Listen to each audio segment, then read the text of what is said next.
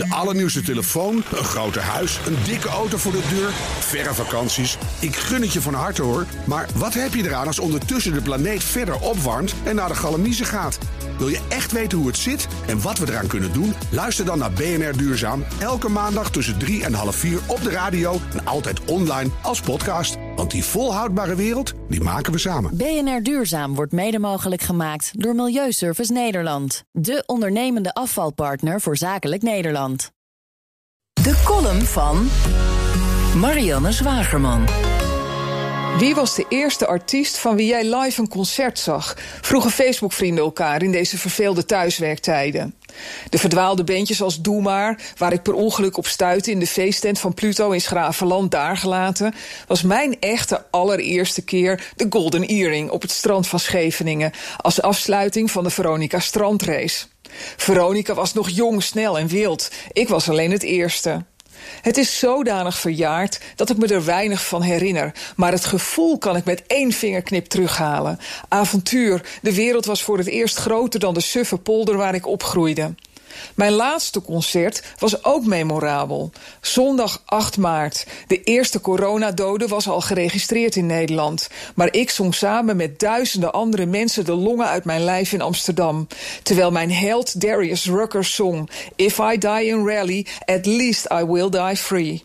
Het voelt als 30 jaar geleden. Dat je van samen zingen dood kan gaan, wisten we nog niet. Dat we onze vrijheid zo snel in zouden leveren uit angst, konden we ons nog niet voorstellen.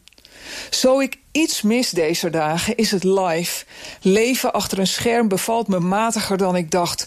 Ondanks alle quarantaine-optredens die mijn favoriete artiesten onvermoeibaar streamen vanuit hun huiskamers.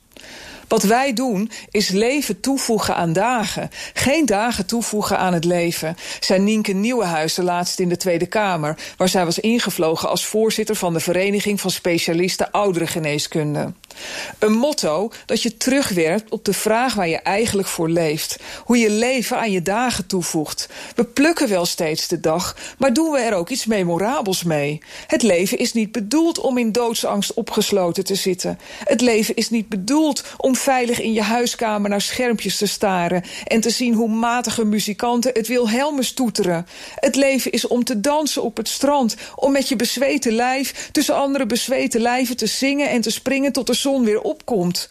Als Woodstock alleen een livestream was, hadden we het er 50 jaar later niet nog steeds over.